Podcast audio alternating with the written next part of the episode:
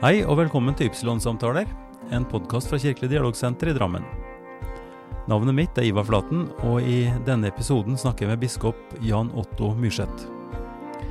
Jan Otto han eh, vokste opp på et nes ved utløpet av den ville og vakre Hjørundfjorden i Sykkylven kommune, slik han sjøl uttrykker det.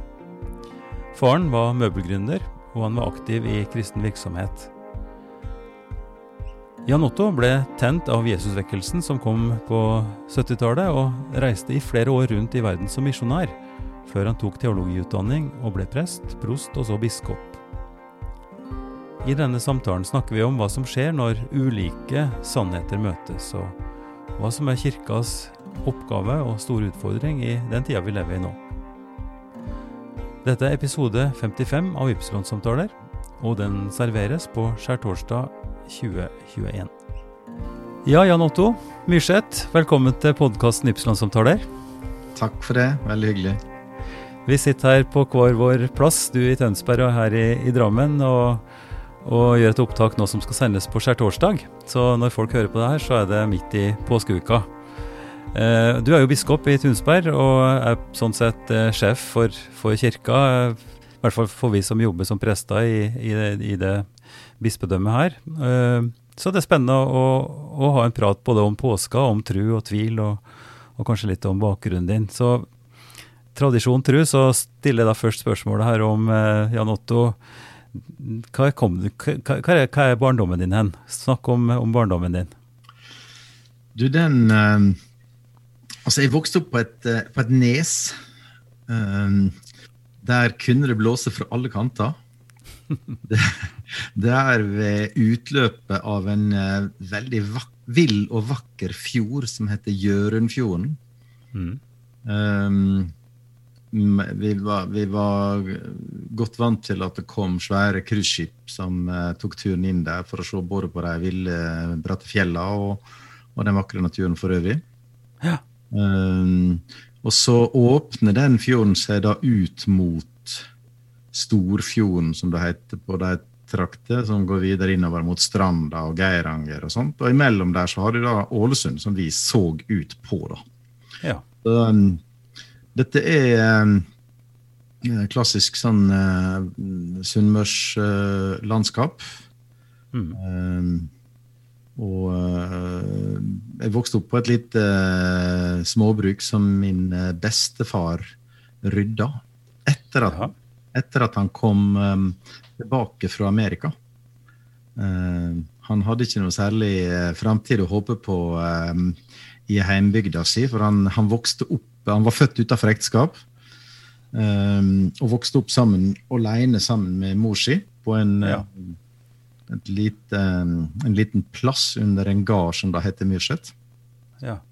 Eh, og opplevde nok at det var en krevende start på livet. Eh, på, eh, når vi snakker sånn århundreskifte, 1800-1900-tallet. Ja. Mm. Så, um, så, han uh, søkte lykka på andre sida av Atlanteren og dro ut uh, ja, jeg vet, Han var født i 1884, og dette var på begynnelsen av 1900-tallet. Så han var en ung mann. Men hadde ja. å forelske seg i ei jente som mhm. kom fra en storgard etter forholdene lokalt. Og dette ble av hennes familie oppfatta som en veldig dårlig match. Ja, det vil jeg tro. Ja. En sånn slark fra en husmannsplass, det går ikke. Um, men uh, kjærligheten vant. Um, han, men han dro alene til Amerika. Og så sendte han penger eller billett hjem til Norge til henne Susanne. Mm. Og hun kom over etter han. Og de gifta seg og etablerte seg der borte. Og fikk en sønn som de kalte for Nordmann. Ja. og bodde i Midtvesten. Ja. Uh, og han jobba delvis på anlegg og på jernbane og litt sånn forskjellig. Og, um, og så ble, ble, det ikke til at jeg ble værende der, for de, um, de uh, altså soga fortelle at uh, de skulle hjem og vise fram kanskje den førstefødte og hilse på familien. og de hadde etter sigende fått seg billett med Titanic. Uh, men, oi, oi. Det er skikkelig historisk sus. Uh, ja, ja visst. Ja, visst. Altså, men Titanic kom jo aldri over Atlanteren. Uh, sånn at de måtte jo få seg annen båtplass da, etter hvert. Men uh, iallfall så kom de da til, til, Norge på ei, det som etter hvert viste seg å være en ganske urolig tid. Mm. Og så vidt jeg veit, så var planen at de skulle tilbake til Amerika. Men sikkert delvis da pga. den urolige situasjonen som var, så ble de værende. Og så var det at jeg altså fikk eh, anledning til å, å, å, slå seg til å bygge seg et hus eh, og rydde seg noen mål med jord. Nok til å hmm. fø eh, noen sauer og geiter eller ei ku og en hest og litt sånn. Og så um, For bestefar, han var han var også tøm, tømmermann eller snekker da, og, mm. og, og, drev med husbygging ved sida av da, det han ellers så Dette her var jo, det er jo ganske enkle, fattigslige kår. da, ja. uh, I et landskap som er ganske forskjellig fra breibygdene på Østlandet. Ja, og forskjellig fra Midtvesten òg, vil jeg tro? Ja visst. Absolutt. Absolutt.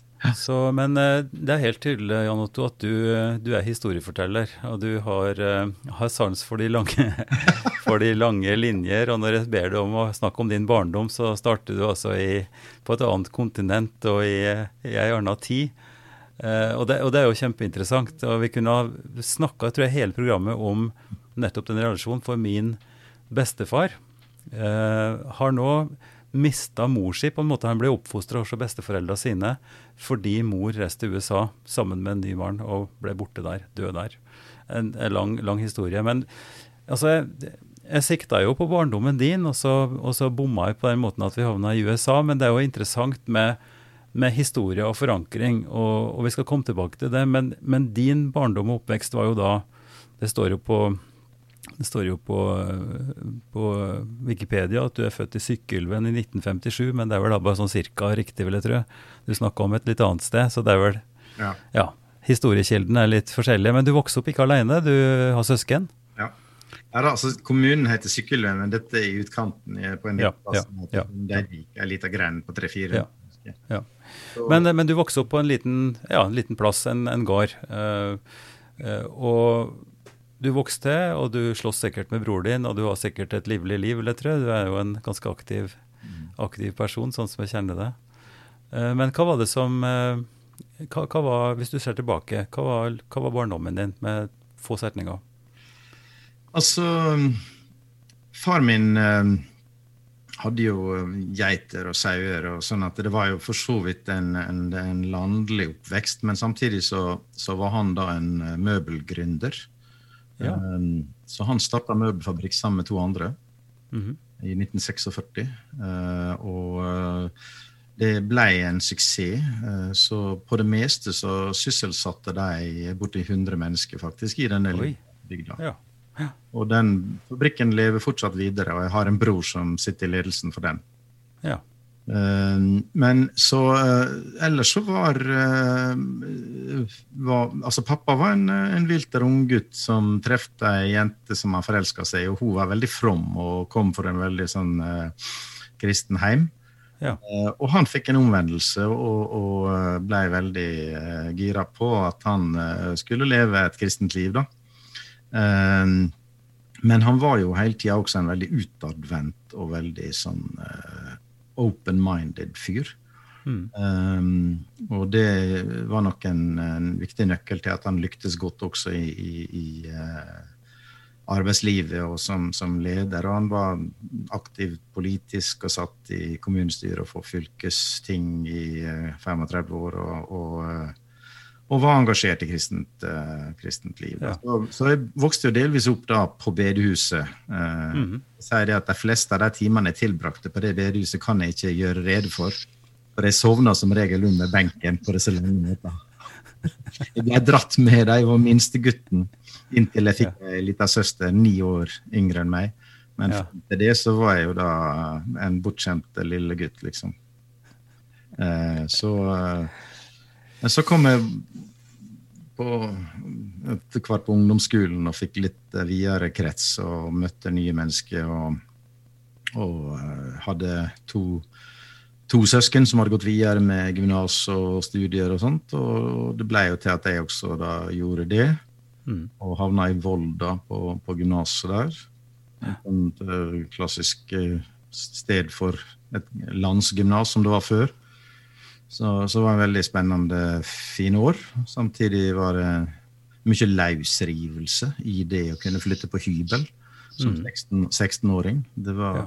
det, opplevdes egentlig litt frigjørende. Eh, så, um, Det vil jeg tro, altså. Og, og, du, og du som ung gutt eh, kom da fra et, eh, et hjem der far har blitt sterkt prega av mor, og var da en aktiv person i samfunnslivet. Drev stor bedrift. Eh, du var en del av det her og kom det unna. kom det i et nytt miljø, fikk starta på en måte Alt ungdomsliv handler jo om det. Å finne sin egen vei. Finne sin egen, eh, sitt eget feste. Eh, finne en egen retning. Så hva, hva var retninga for det? Jeg vet jo at du var også sterkt engasjert tidlig, sånn som jeg har forstått det, i, i kristent arbeid. Altså at du, en, at du har action. I stor grad der òg. Hva var det som drog det den veien? Altså, Hjemme i Sykkylven så hadde, hadde, vi en prest som eh, sikkert fordi han hadde kjent eh, faren min og familien min, da, fant eh, rett å utfordre meg til å ta på meg ansvar i skolelaget. Ja. Så jeg ble jo da leder i skolelaget på ungdomsskolen. Og så kom det på den tida sterke strømninger Eh, som kom eh, stort sett fra andre sida av Atlanteren. Mm. Eh, sånn Jesusvekkelse, altså hippien fra San Francisco med blomster i håret og, og, ja. og utsvevende livsstil, og som fikk en radikal forvandling av livet og, og løfta pekefingeren og sa 'there's only one way'. Um, Kjennes veldig kjent fra Oppdal, og der jeg vokste opp, ja. så var det ja. Dette er sånn tidlig 70-tall, sant? Ja da.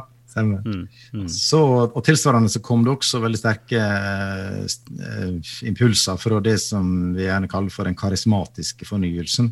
Mm. Sånn at uh, uh, folk som mente at kristne kan ikke slå seg til ro med å bare liksom være døpt og konfirmert. Det må jo, det må jo vise igjen på en helt annen måte.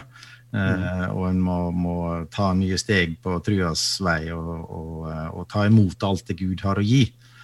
Um, så det gjorde at jeg da jeg fikk Det var et sterkt ungdomsmiljø i Molde som heter Ung Visjon, som jeg fikk god kontakt med, og tilsvarende Ungdom i oppdrag, det som jo er en, en verdensomspennende evangeliserings- og misjonsbevegelse. Da, Youth with a Mission, som det heter internasjonalt. Mm, mm. Men hvis du, hvis du tar et skritt tilbake og tenker på den impulsen eh, som du da fikk som ungdom Eh, som du sier, dels fra USA og, og, og, i de miljøene du nettopp beskrev. Hva er den store forskjellen på den impulsen og den impulsen du har fra dine foreldre? Altså fra et mer tradisjonelt bedehus og, og kirkelig miljø. Altså hva, var radikaliseringsgraden? Hva var eh, det som spora det? For det var liksom ikke godt nok? Nei, eller? ja. Nei, altså jeg jeg pleier å si at jeg, jeg lærte å be når jeg, mens sittende på mammas fang. Mm. Eh, så jeg tror jeg bar med meg i utgangspunktet en enkel tillit til at uh, Gud er der, og at han kan jeg snakke med om alt. Mm. Uh, uh, og Så det er jeg takknemlig for. og, og, den enkle på en måte ujålete uh, trua som, og fasongen som, som, bedehuset ga på en måte til trua mi. Mm. Uh, og så uh, så ble jo den da ganske utfordra for så vidt av, av disse nye impulsene. Det føltes vel som at ja, det er bra det, men det er kanskje ikke nok, eller du, du må kanskje ta og legge det litt mer frampå. Uh, og, og, og, det er slett ikke alt av, av, alle av de impulsene som jeg da ble eksponert for, og sjøl ble en bærer av også i mange år, da, som jeg nødvendigvis er så veldig stolt over i dag. Uh, jeg mm. tror at det var også at strikken ble tøyd litt vel langt for mange, og det var mange som uh, jeg tror nok mange som, som, skrev ut litt vel store sjekker på Guds vegne. Uh, og, og gjorde, ja, ja. En, gjorde, det litt for enkelt. Og så tenk, sa det at ja da, Gud kan ordne alt. altså Gud er allmektig, og hvis du bare tror på Han, da kan alt skje. Uh, og baksida av den medaljen er jo fort at hvis det ikke skjer, det du ber om, mm. hvor er da problemet? Ja, Det er i hvert fall ikke hos Gud, altså må det være hos deg. Og det er mange som da fikk med seg ganske tunge, skuffende opplevelser og, og, og anfektelser, rett og slett, som en helt kaller det. Ja, ja. Men la, la, oss, la, oss, snakke litt mer om det. fordi Jeg kjenner jo det jo igjen fra min barndom, og oppfatter jo òg eh, fra min bestemor f.eks., og, og kretsa da på bedehuset som ganske strenge i forhold til de andre. Mm. At en er veldig bevisst eh, sin kristne tro, og det som handler om, om eh, det å, å holde seg til til den trua, og ikke bli nettopp anfekta eller dratt i feil retning ved at den er sammen med folk som er i verden, da, som det heter. Mm. Som, som eh, lever et normalt, uh, syndefullt liv, mm. for å si det litt uh, flåsete. Altså, Det blir farlig å gå på dans, det blir farlig å, å spille med kort, det er farlig å gå på kino, alt det der. Eh, vi er omtrent like gamle, så jeg vil tro at du kjenner igjen deg. Og deg seg sjøl eh, det er jo en type impuls som kanskje skjermer en, eller som en tar en vekk ifra, eller lager en slags skepsis til de som er utafor.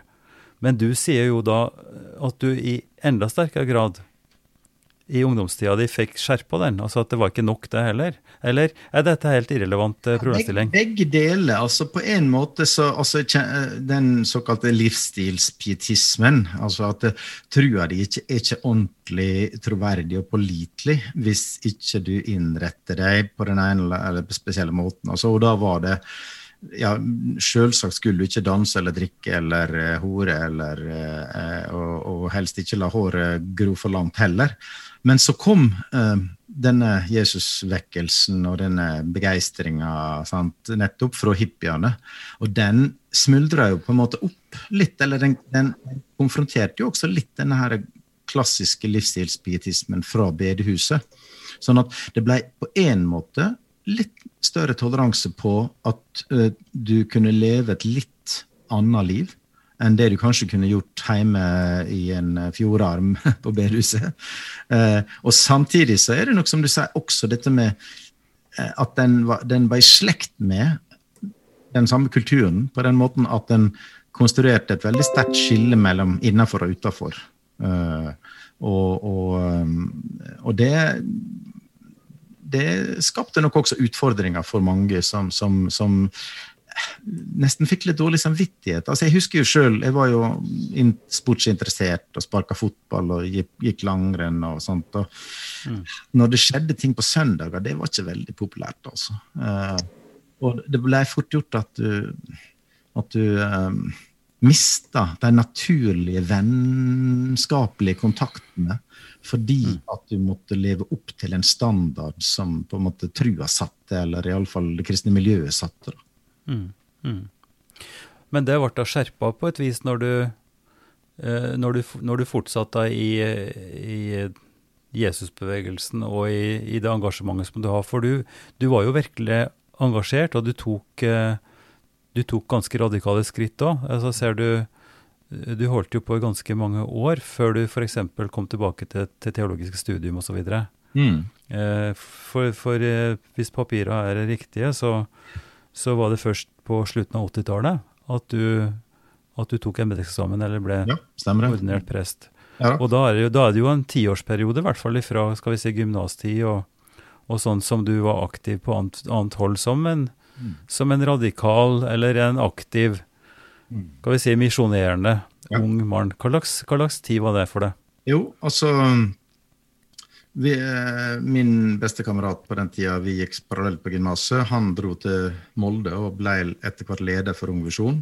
Og jeg dro da til eh, Grimrud på Hedmarken og gikk evangeliseringskurs og reiste ut som teamleder. Og jeg ble værende der i fire år, og avslutta med da å være i Moskva under OL i 1980, dit ingen vestlige land kom fordi at det var boikott etter Sovjets invasjon i Afghanistan. Mm. Eh, men der var vi og hadde smugla med oss små bibeldeler og, og, oppsøkte folk i parker og rundt omkring og prøvde å fortelle om Jesus. da.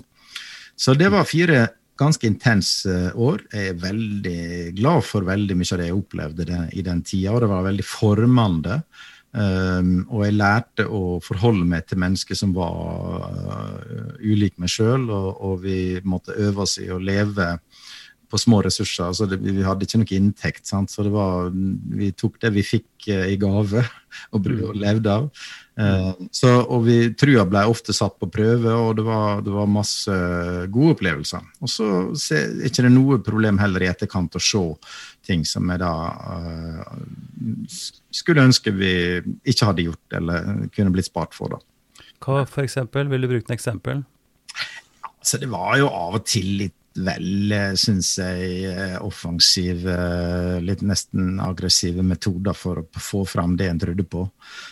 Litt respekt for den andre, litt, litt ro til å lytte til den andres historie, på en måte, eller åpenhet i, møte med, med, med andre. Sånn, denne fristelsen til å tenke at det er vi som har svaret, og alle andre må bare stille spørsmål. på en måte.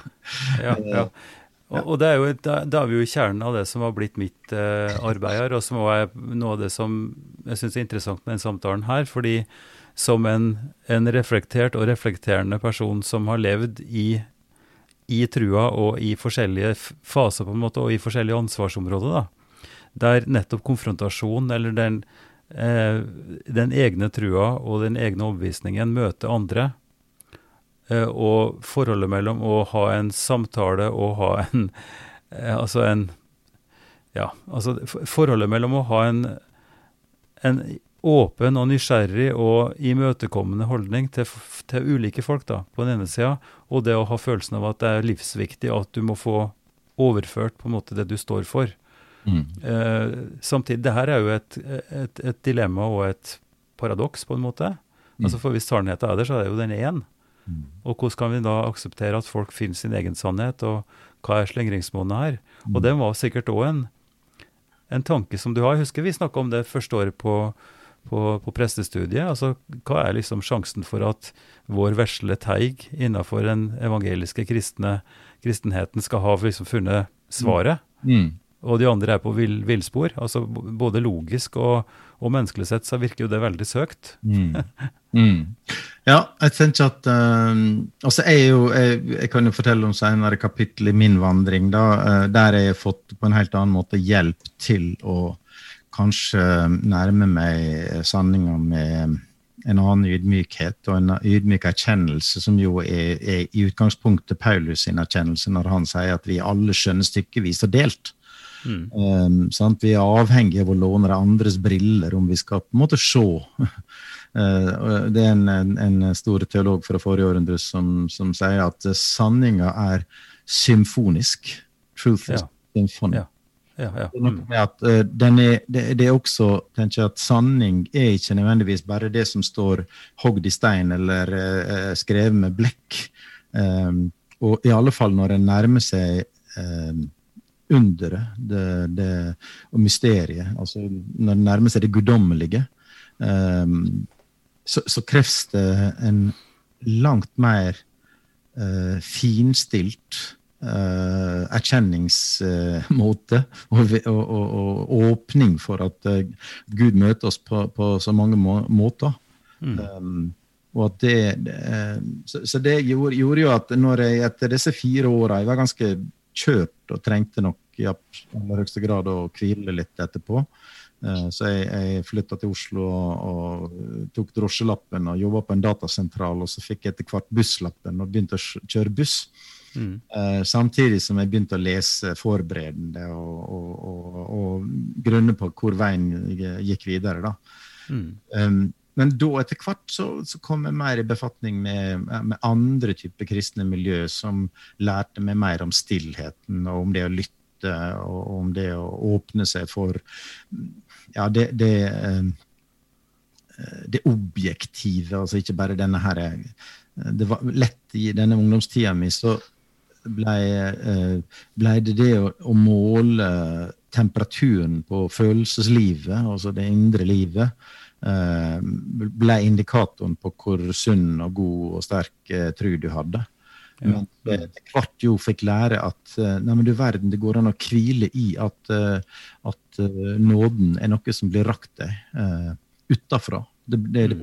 vekta på det objektive, og ikke minst det, det, som vi gjerne kaller for det sakramentale. altså Det som handler om gudsgjerning, mer enn min, mitt strev. Mm. Uh, og, og, Men Jan Otto, du, eh, når du da har kjørt buss eh, en del år og har studert en del år, så fikk du din eksamen mm. og kunne da ta imot ordinasjon og starta i Nordrehov. Mm.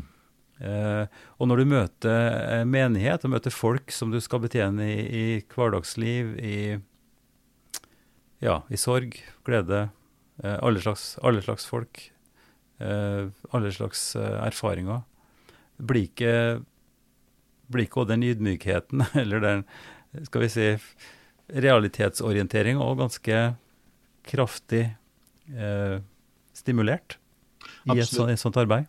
Absolutt. Nå, nå, tror jeg at jeg, på en måte så tror jeg Gud i sin visdom utstyrte meg med mye kjærlighet og nysgjerrighet på andre mennesker. Sånn at selv om jeg har tilhørt miljøet som kanskje eh, definerte klare grenser for innenfor og utenfor, så har jeg aldri trivdes med å bare være på innsida. Så jeg har alltid satt stor pris på å omgås mennesker med veldig ulikt utgangspunkt. Mm. Eh, det gjorde jeg også altså det gjorde jeg i styretida, og det gjorde jeg når vi etter hvert uh, havna på, på Nordre Så hadde vi nok mye mye mer omgang med mennesker som ikke nødvendigvis definerte seg som veldig kirkemennesker. Uh, mm. Og jeg har, jeg har um, sparka fotball og trivdes med å være sammen med folk som uh, kunne svi av noen skikkelig gloser i garderoben. Og jeg har spilt sjakk sammen med masse underlige originaler og stortrives med dem. Og jeg har kjørt buss da sammen med folk som uh, jobber på gulvet. Så jeg tror det ga meg en veldig sånn jording, da. Uh, jeg er veldig mm. takknemlig for den uh, kilden til kunnskap eller til forståelse for mangfoldet i menneskelivet og i verden. Um, som har for meg vært en veldig, veldig viktig plattform for den tjenesten jeg skal gjøre, og for den formidlinga jeg skal bedrive. Mm. Hvis du skal ekstrahere da litt av hva den tida på Nordrov og etter hvert da på Hønefoss, når du ble prost der, mm. eh, hva er det som sitter igjen som eh, Altså, hva handler det egentlig om? Eh, vi, vi, snakker om det sakramentale. altså Vi forvalter dåp og nattvær og samler folk til gudstjeneste. og men så er det jo veldig mye som skjer både innimellom der og, og i, i, det daglige. Mm. Hva, hva handler den uh, jobben om? Hva er det du sitter igjen med som, uh, ja, mm. som, som, det viktige, som det sentrale? Så jeg tror vel jeg tenker ganske mye om at min prestetjeneste handler om å være en, en, en vei veiviser og en medvandrer i et landskap som uh, er et grenselandskap um, mellom det helt alminnelige og det hellige. mm. og, og, det dennesidige og det uh, hinsidige, han har sagt. Jeg har akkurat lest om igjen selvbiografien til C.S. Lewis, den store engelske forfatteren og litteraturviteren, som jo har gitt oss Narnia-bøkene, blant annet. Ja. Um, når, når, Aslan, altså løven Aslan, uh, han sier jo det at han velger jo en løve som på en måte representerer Kristus eller representerer det guddommelige, fordi at den kan være ganske skremmende og litt sånn uh, voldsomt. da, Og samtidig um, fordi at det er noe som vi ikke har kontroll på. Altså, Gud er ikke en størrelse som jeg kan putte i baklomma, men han er en jeg, en jeg lytter til og prøver å innrette og tilpasse livet mitt eh, etter. Eh, og så sier Aslan at eh, når disse barna skal tilbake igjen til sin vante hverdag, da, mm. så han, dere vil møte meg der også, men bare på en annen måte, under et annet navn.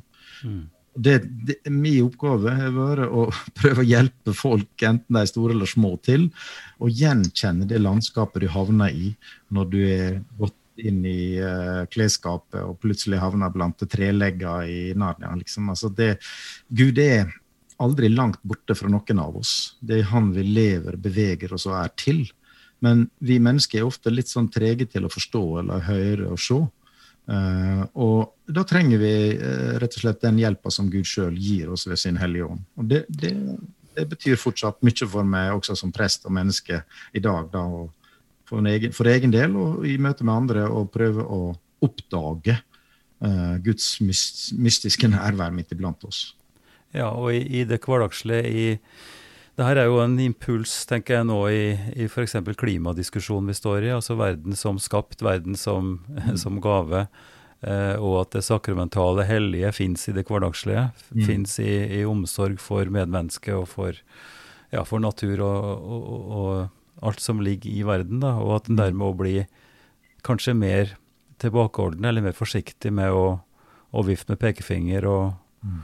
og liksom proklamere sin egen forrang framfor andre. Altså at en har en ja, en, en, forsiktighet, da. Eh, kanskje både i forhold til seg sjøl og i forhold til andre, fordi mysteriet er så stort, og fordi eh, verden er så både kompleks, eh, mangfoldet er så stort, og vår eh, evne til innsikt og forståelse og er begrensa.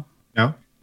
Jeg tenker at det um vårt forhold til verden er bestemt eller prega, altså som truende, da, er prega både av trua på den første trosartikkelen, altså at Gud faktisk har skapt alt dette, mm. og at hjertet i skapelsen, slik tidligere erkebiskop Rome Williams uh, skriver om det i en flott bok uh, uh, som heter Christ, Christ, the heart of creation. Altså, mm. Kristus faktisk er midt i det skapte. Og mm. han er Guds gave til oss. Og gavekarakteren av alt det vi møter i naturen, er, er, det, det, formaner oss, eller utfordrer oss til å tenke forvaltning til beste også for alle andre medskapninger. Både de som mm. går på to og fire bein, og alt, alt både organisk og uorganisk i, i, i det skapte. Så det, når, når pave Frans sant, skriver sin flotte eh, encyklika om, eh, om engasjementet for skapelsen, så, sant, så, sant, dette her er vår felles heim. Sant? Altså, mm. uh, så, så det, det, å tenke om alle de mennesker jeg møter, enten de nå er buddhister eller sikher eller ateister eller indremisjonsfolk, at vi alle hører til basically i den samme heimen. Ja. Og at det å finne heim, at trua mi handler i veldig stor grad om rett og slett veien hjem. Mm. Ja. Det, det, er jo sterkt meningsfullt. Og jeg tenker også på Martin Lønneboe med hans arbeid, som vi begge to er mm. inspirert av, tror jeg. Og jeg leste nå nettopp litt Albert Schweitzer igjen, med 'Ærefrykt for livet', mm. som er en slags uh, mystisk uh, erkjennelse av at, at, verden er én, og at vi samtlige har et, et ansvar for det her. Uh, jeg har lyst til å komme inn på, Jan Otto, når du kunne snakke om prostetida di på Ringerike, men, men så kom du jo til Bergen. Og i Bergen, som er jo et litt annet sted, litt, mm. litt større mangfold kanskje, òg enn på, på Ringerike, sjøl om Hønefoss også er jo et, et fargerikt og mangfoldig sted. Men, men, der kom du inn i, i Kirkelig dialogsenter, mm. og som eh, i styrearbeid der. Eh, hva tar du med deg fra tida der, i ja. Bergen? Bare, bare, altså, jeg hadde jo en litt dramatisk avslutning på tida på Hønefoss. Um, 26.1.2010 så sto jeg da i kulda, vinterkulda og så uh, spiret på Hønefoss kirke falle. Ja, ja. Etter brann. Da opplevde jeg jo virkelig uh, å se hva kirka betyr for noe. Også for trauste ringerikinger, som ikke nødvendigvis trakk ned eh, kirketersklene. Mm. Eh, men eh, historien om altså rånere som, eh, som felte tårer eh, fordi at det på en måte forsvant en så vesentlig del av de, livet deres. En minnebok og en samlingsplass og en identitetsbærer for alle. Mm. Så uh, Hvis ikke det var for at, uh, at jeg for lengst hadde levert søknaden til domprost i Bergen og ble utnevnt bare noen dager etter denne brannen, så ville jeg nok aldri kunne forlatt Ringerike, rett og slett. Fordi at mm. føltes som å svikte. Når jeg da ja. måtte begynne å gjøre meg klar til å skulle flytte. Da fikk jeg det halvåret etterpå, og, og da da opplevde jeg jo det, det, var både veldig meningsfylt å være med på, og så tenker jeg med, med stor sympati på de som ble stående der i åra etterpå med jobben som skulle gjenreise en ny kirke. Men så kom jeg til Bergen, og du vet, det er ganske stor forskjell på mentalitet mellom, eh, mellom disse breibygdene på Østlandet og eh, bergensere og vestlendinger. Det er forskjell på nordmenn òg? ja, ja. Det er nok eh, veldig mye mer eruptivt over kystbefolkninga. Eh, det har nok litt med nærheten til elementer å gjøre, tror jeg, rett og slett. Altså, sånn når du vokser opp langs kysten. Og, og du vet, bergensere de skilles som venner, selv om de har hatt en rivende krangel eller diskusjon eh, så fillene fikk omtrent, så klarer de likevel å bevare vennskap. Og, eh, eh, så, så eh, fort opp og raskt ned igjen også. Mens eh, på Østlandet så, så, er det gjerne folk tenker seg litt om en ekstra gang før de liksom konkluderer. da. Men eh, jeg kjente meg jo veldig Jeg er jo vestlending sjøl, og det, var, det, føltes veldig meningsfylt å kunne komme til Bergen og, og oppleve eh, veldig gode, gode, ting der. Og vi, ja, som du sier, så fikk jeg være med bl.a. i det med, med, oppstarten av Dialogsenteret. og um, fordi dette var jo like etter altså en annen tragedie på Ringerike, nemlig 22. Mm. Uh, og da, den påfølgende søndagen, så sto det noen uh, unge muslimske menn uh, utafor kirka og venta og ville ha en prat og mente at nå måtte vi stå sammen og sørge for å markere at religion og vold hører ikke sammen. Uh, og det ble allerede i løpet av den høsten uh, til, så, så, ble altså Kirkelig dialogsenter etablert. Uh, og jeg hadde gleden av da å være støttespiller for Hildegunn, som var den, den som uh, var pioneren på dette her. Mm. Uh, og vi fikk fantastisk flotte relasjoner som vi etablerte med, med, folk fra veldig ulike sammenhenger. Og hadde jo da gleden av etter hvert, i 2013 var det vel, å dra på en felles studietur til Sarajevo og Bosnia for å prøve å lære av både vonde og gode opplevelser som en har gjort i dette svært svært konfliktprega område. Mm. Men, eh, men det, var, det, var, en veldig rik del av, av, av, mitt liv og min tjeneste i Bergen. Det å også få, få være med i Kirkelig dialogsenter og være styreleder der. For én ting er jo det du snakker om for Ringerike og i, i hele historien, egentlig, at du møter folk som er forskjellige fra deg sjøl, at du snakker med folk og har en, både en lyst og en evne til å å være i inngrep med forskjellige folk, og, og like det, like, like, å være sammen med folk. Men det er klart den erfaringa av at etter en sånn katastrofe som 22.07. I, i 2011, eh, som tok livet av så mange, det var jo et sjokk som òg i Drammen førte til at vi fikk samme Jeg fikk en telefon ikke fra en muslim, men fra en sikh. Mm. En, en, god venn som var med på etablering av dialogforumet vårt da, en del år tidligere, som, uh, Sukhvinder som, som, ringte den fredagskvelden og sa at hvis, hvis, vårt dialogarbeid skal ha betydning, så må vi vise det nå. Ja. Ikke sant? Og da, da, møttes vi dagen etterpå, og blant annet så kunne en, en imam, da, en, en, kollega i dialogsenteret, eller dialogforumet, kunne da, kunne da anbefale for din etterfølger på Ringerike, slik at han kunne komme seg opp til, til Sundvolden for å ta del i, i sorgarbeidet der. Mm. Blant annet. Så det er jo fantastisk og interessant dramatisk og interessant at faktisk ytre press og ytre konflikt skaper en, en dynamikk for samhold og for fellesskap. Mm. Og at en da blir på en eller annen måte tvinga til å, eller i hvert fall sterkt stimulert til å tenke gjennom hva det er vi står sammen om.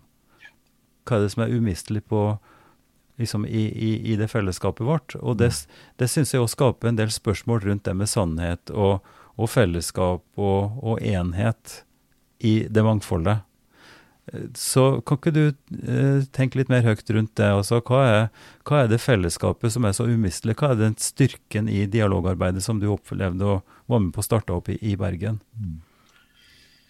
Um, ja, altså uh, Øvelsen i å altså, ta på alvor det at vi har to ører og én munn er kanskje både en lærdom og en forutsetning eh, for å lykkes i dialogarbeidet. Altså, det er altfor mange miljøer som er prega av at en er i ekkokammer og bekrefter hverandre.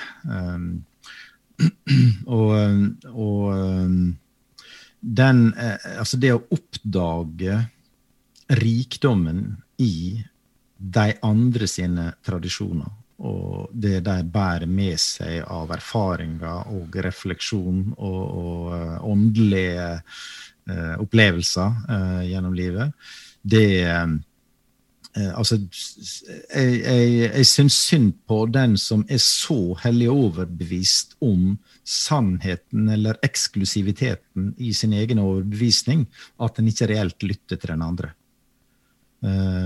For uh, det er Altså, for um, altså Oscar Romero, erkebiskopen som ble martyr i El Salvador i 79, eller når det nå var, har, har laga en flott adventsbønn der han skriver om dette med å, å, å, å møte Gud i den andres ansikt. Og Slik må vi faktisk som kristne også kunne tenke at hvert enkelt menneske, enten en ser slik eller sånn ut, og enten en kommer herfra eller derfra, uansett hva en bærer med seg, faktisk reflekterer noe av det guddommelige. Eh, og bærer et vitnesbyrd om skaperens fantastiske rikdom. Mm. Um, og uh, det betyr at jeg bør møte hvert eneste menneske med en nysgjerrig vilje og åpenhet til å lære noe nytt som faktisk kan berike mitt liv og utvide min horisont. Og for meg så er det da en, en, veldig veldig viktig impuls og drivkraft i møte med mennesker som tenker og tror annerledes enn meg sjøl. Mm. Men du har samtidig en risiko for at du blir eh, påvirka. Det er jo noe av det som er argumentet som jeg hører ganske ofte, at en er skeptisk til å ha for mye eh, hopehav med annerledes troende, fordi at, eh, at det kan distrahere en eller dra en bort ifra det som er det sentrale. Det var jo mine besteforeldres eh, omkved. Mm. Eh, til å holde seg bort ifra kulturradikalisme og ifra, ifra det sekulære. ikke sant? Fordi, ja, og, og, det samme er litt her. altså På hva slags måte eh, tenker du at samtalen med den andre faktisk, og, og, det er kanskje mer en påstand da, eller et, et, utspill som jeg tenker er erfaring, at møtet med den andre og den åpenheten for å lære av den andre faktisk er med på å, å gi næring til egenforståelse, altså fordypning av egen tro. Mm. Hva, eh, er det noe som du har erfart, Jan Otto? Ja, um, jeg, ja jeg, jeg, tror jeg tør å si det at uh, det å møte de andres eh, Jeg husker når vi var i Sarajevo, eller sånn, så kunne det til tider være nesten litt brysomt dette at disse eh, muslimene som vi reiste sammen med på død og liv, skulle stoppe opp for å be opptil opp flere ganger om dagen. Mm. uh, og så, så, har jeg holdt andakt mange ganger seinere om den betydninga som det faktisk fikk, som en påminning til meg om hvor grunnleggende eh, viktig det nettopp er at jeg stopper opp, og at jeg lar meg bremse eh, for å oppdage hva som er selve grunnvollen for livet mitt, også mitt kristne liv. Eh, så den, den der eh, eh, Den eh, rytma som andre menneskers religiøsitet kanskje ofte, må jeg erkjenne, tydeligere uh, gjenspeile. Uh, fordi at vi, vi som vi, vi uh, lutherske kristne, vi har uh, gjerne be, betona veldig dette med men, kristenmenneskets frihet. Mm. og på en ja. sånn måte at vi kanskje mister den nødvendige rytma eller den nødvendige fastheten som også vårt åndelige liv er avhengig av. da. Mm. Nei, så, så jeg, jeg um, uh, Det er en langt, langt større fare for å stivne til uh, og gå glipp av uh, innsikt og forandring enn det er å la seg forandre eller, eller en jeg, jeg, jeg, ønsker å bli forandra. Jeg ønsker eh, at Gud skal nå inn til meg. Og han gjør det på forunderlig vis, ofte gjennom helt andre kanaler enn det jeg bestiller på forhånd. Mm. Det, det, jeg tenker Når Paulus er på, i Aten og snakker til de atenske menn, og så gir han dem litt kred for at de er religiøse, for de har jo alt både her og der, og til og med for en ukjent gud. Og så sier han det at eh, ja, Gud har gjort det slik at han har latt mennesker bosette seg her og der, og for at vi skal se og erkjenne av hans gjerninger eh, mm. hva som er sannheten, da. Og så sier han det er jo i han vi alle lever, rører oss og er til. Eh, altså ikke bare vi, underforstått jøder, ikke bare vi kristne, men alle mennesker. Altså, mm. vår, selve fundamentet for livet vårt og den kilden vi alle øser av eller kommer fra, det er den ene Gud. Og det her er jo en eh, jeg vil jo si en, en sannhet som jeg tror de aller fleste vil kunne eh, stille seg bak. Altså at her er det, Vi har et, et dypt fellesskap i det menneskelige som vi har ansvar for. Eh, ikke sant? Kjærlighetsbudet overfor det neste, at vi har ansvar for naboen vår. Eh, men det er jo når det, når det liksom det, det, spisser seg til, og når, når det blir vanskelig, når, når motsetningene blir sånn at en kjenner det i magen at det her, det her er ikke greit, eller det her er vanskelig.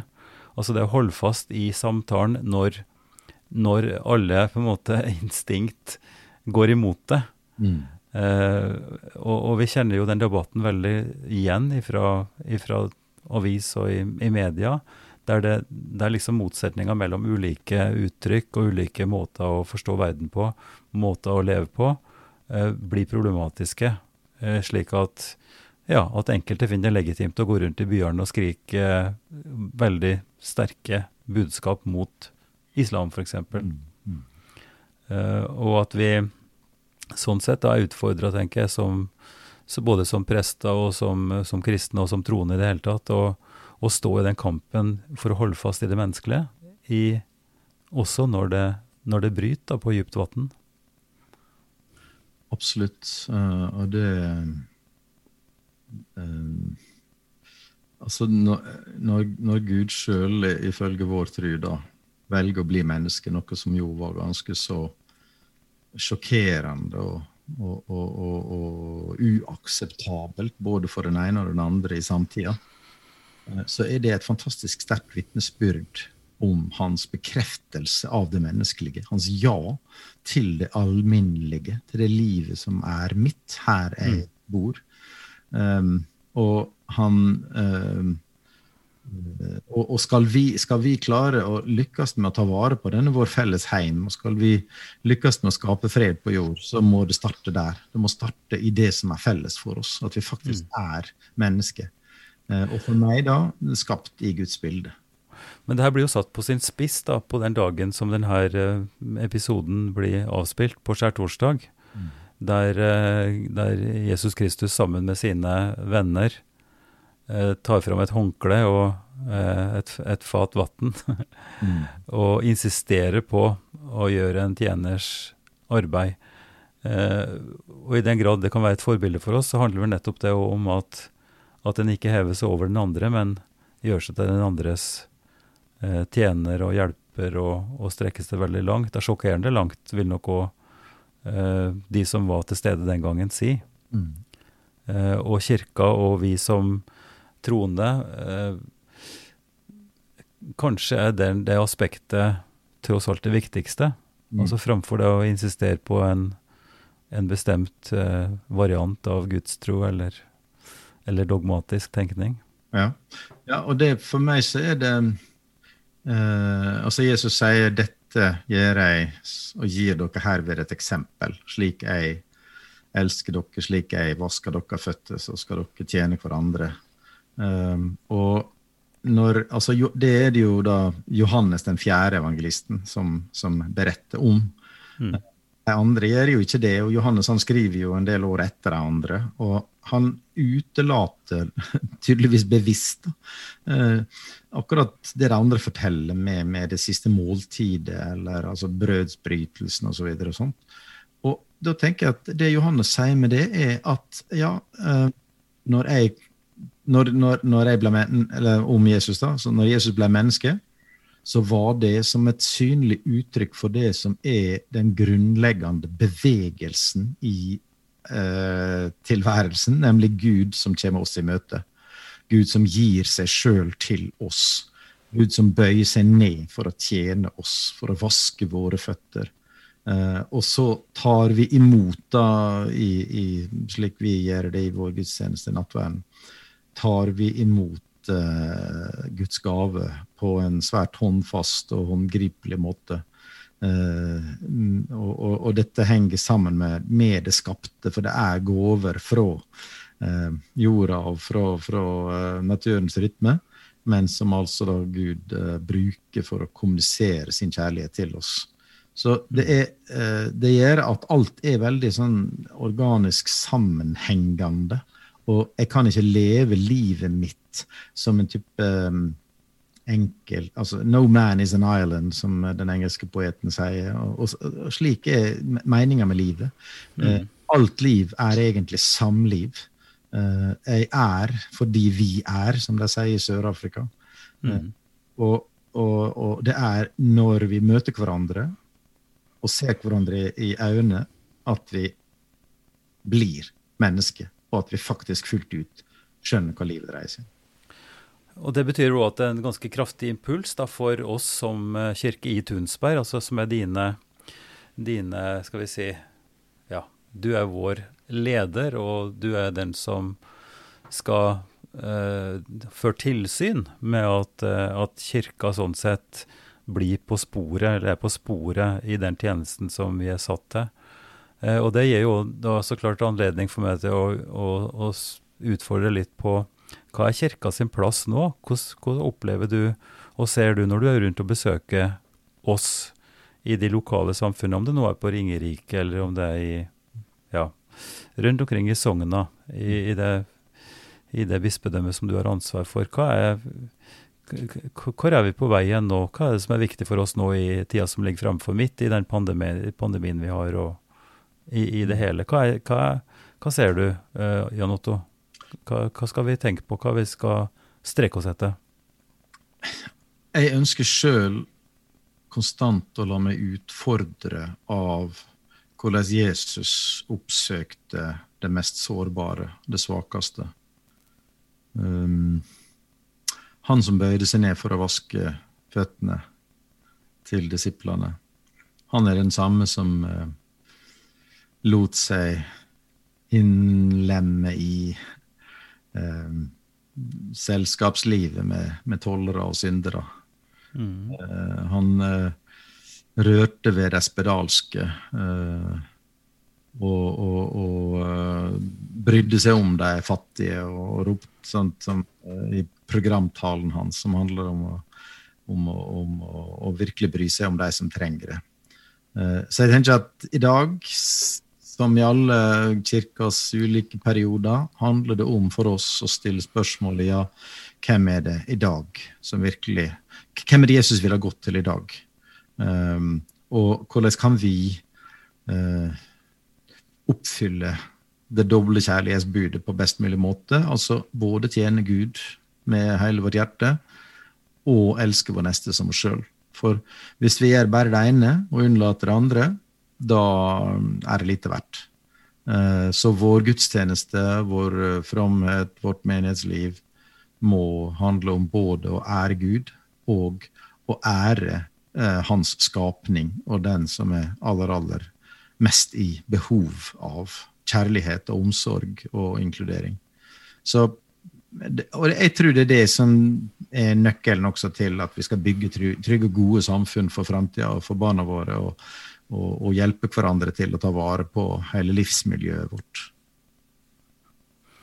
At vi engasjerer oss i, i våre lokalsamfunn, at mm. vi er, er der sammen med de som som vil noe, og som mm. jobber for fellesskapet. Det er den erfaringa mm. som i hvert fall gir veldig mye eh, tilbake. Altså at en står sammen med folk som kan være veldig forskjellige, eh, ha forskjellig bakgrunn og, mm. og, kanskje til dels så ulik motivasjon, egentlig. Altså ulik inspirasjon, men fellesskapet og, og tryggheten for, uh, for, oss er det som det er det som er, er det viktige. Og så vil jeg òg, mens samtalen nå holder på går ut, vi har ikke så veldig mange minutter igjen, men, eh, men, men påska er jo et, et tidspunkt for, eh, for, en motivasjon at, at, det som ser svart ut, altså døden og, og vondskap, det som plager oss, det som vi ser rundt oss til daglig, altså av, eh, av utfordring, av ja, miljøødeleggelse, krig, folk som må flykte fra sitt og sine, Eh, midt i det så ser vi også et håp om, om noe nytt.